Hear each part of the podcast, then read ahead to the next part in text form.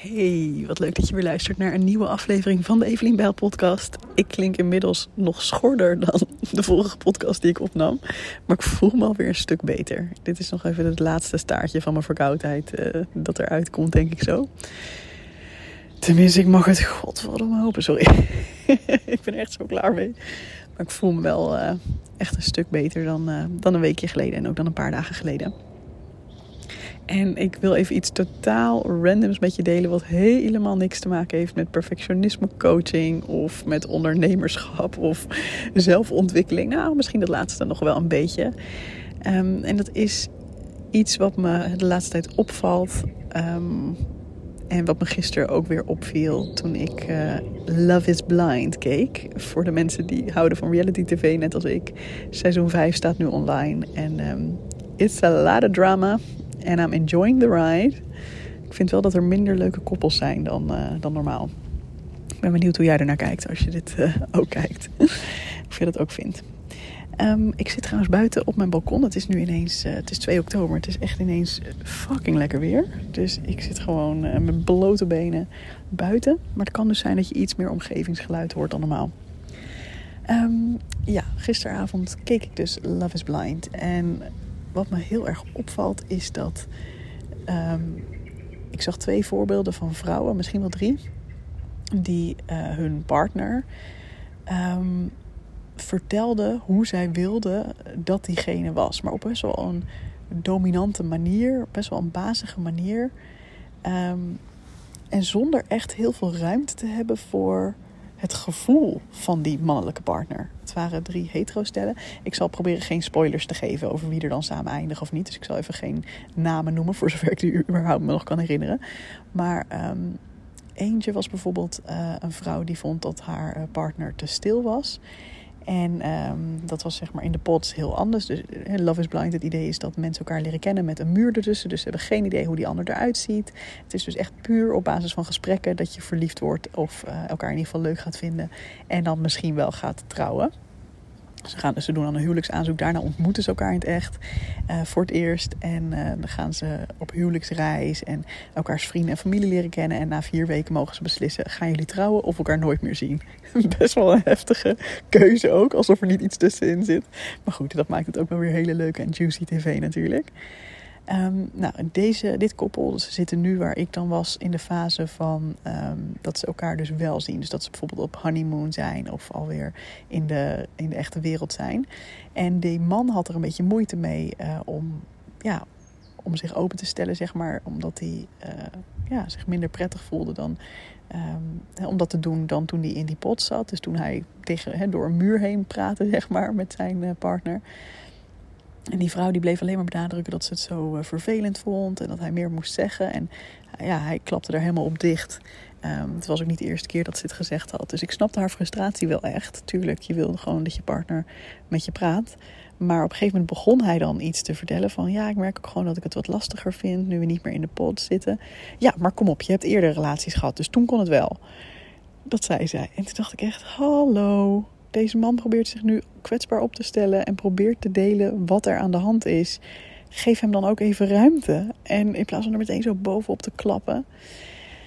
En een andere vrouw zag ik ook iets zeggen over dat ze wilde dat haar man meer uh, macho was. Dat was in een vorig seizoen trouwens ook aan de hand. En dan was het gewoon, je moet me gewoon vastpakken. En dat vind ik gewoon leuk, weet je wel. Ik wil echt een man die ook in bed helemaal uh, wild is.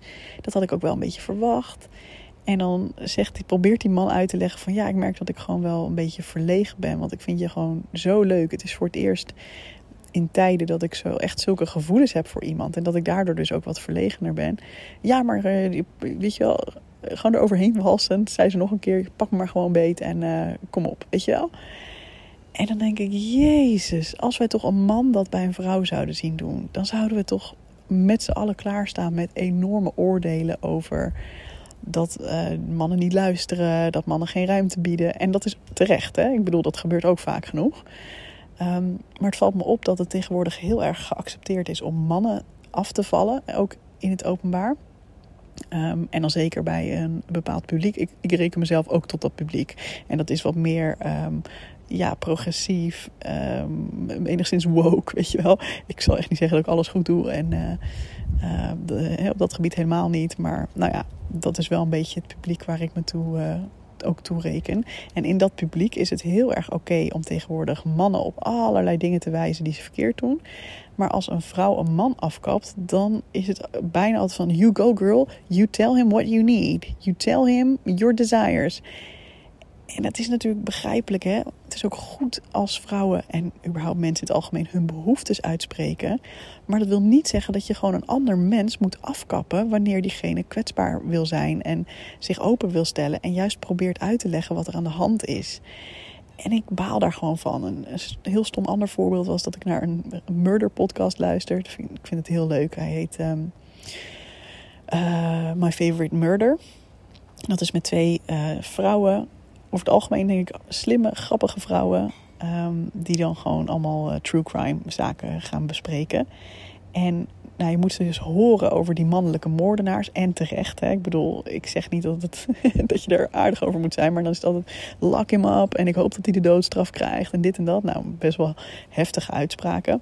En begrijpelijk vanuit emotie. En hè, ze zijn ook comedians. Dus ja, is niet dat zij er heel neutraal over hoeven te zijn. Maar die ene keer dat er een vrouwelijke seriemoordenaar voorbij kwam, was het zoiets van: You go girl. Ik snap wel dat jij het leven een beetje zwaar vond, want je had ook zo'n vervelende vader en dit en dat. Ehm, ja, ik, uh, weet je wel, ik begrijp er wel en ze is ook wel badass. Dan denk ik: Nee, what the fuck?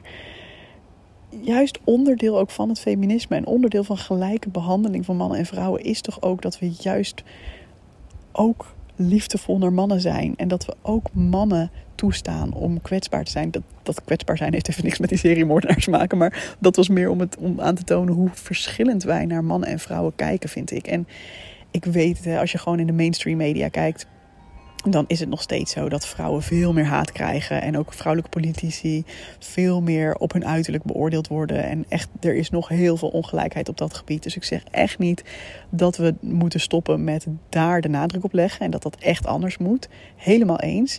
Maar ik vind ook dat de keerzijde is, of eigenlijk is het een onderdeel van hetzelfde probleem. Als we mannen niet toestaan om emoties te uiten. Of als we mannen geen ruimte bieden om kwetsbaar te zijn. Kom op, dat heeft allemaal met hetzelfde patroon te maken van hoe mannen en hoe vrouwen zouden moeten zijn. En als we dat niet zien en daar ook niet verontwaardigd over zijn, dan vind ik echt dat we de helft van het probleem missen. Dus come on, let's be fucking sweethearts to men.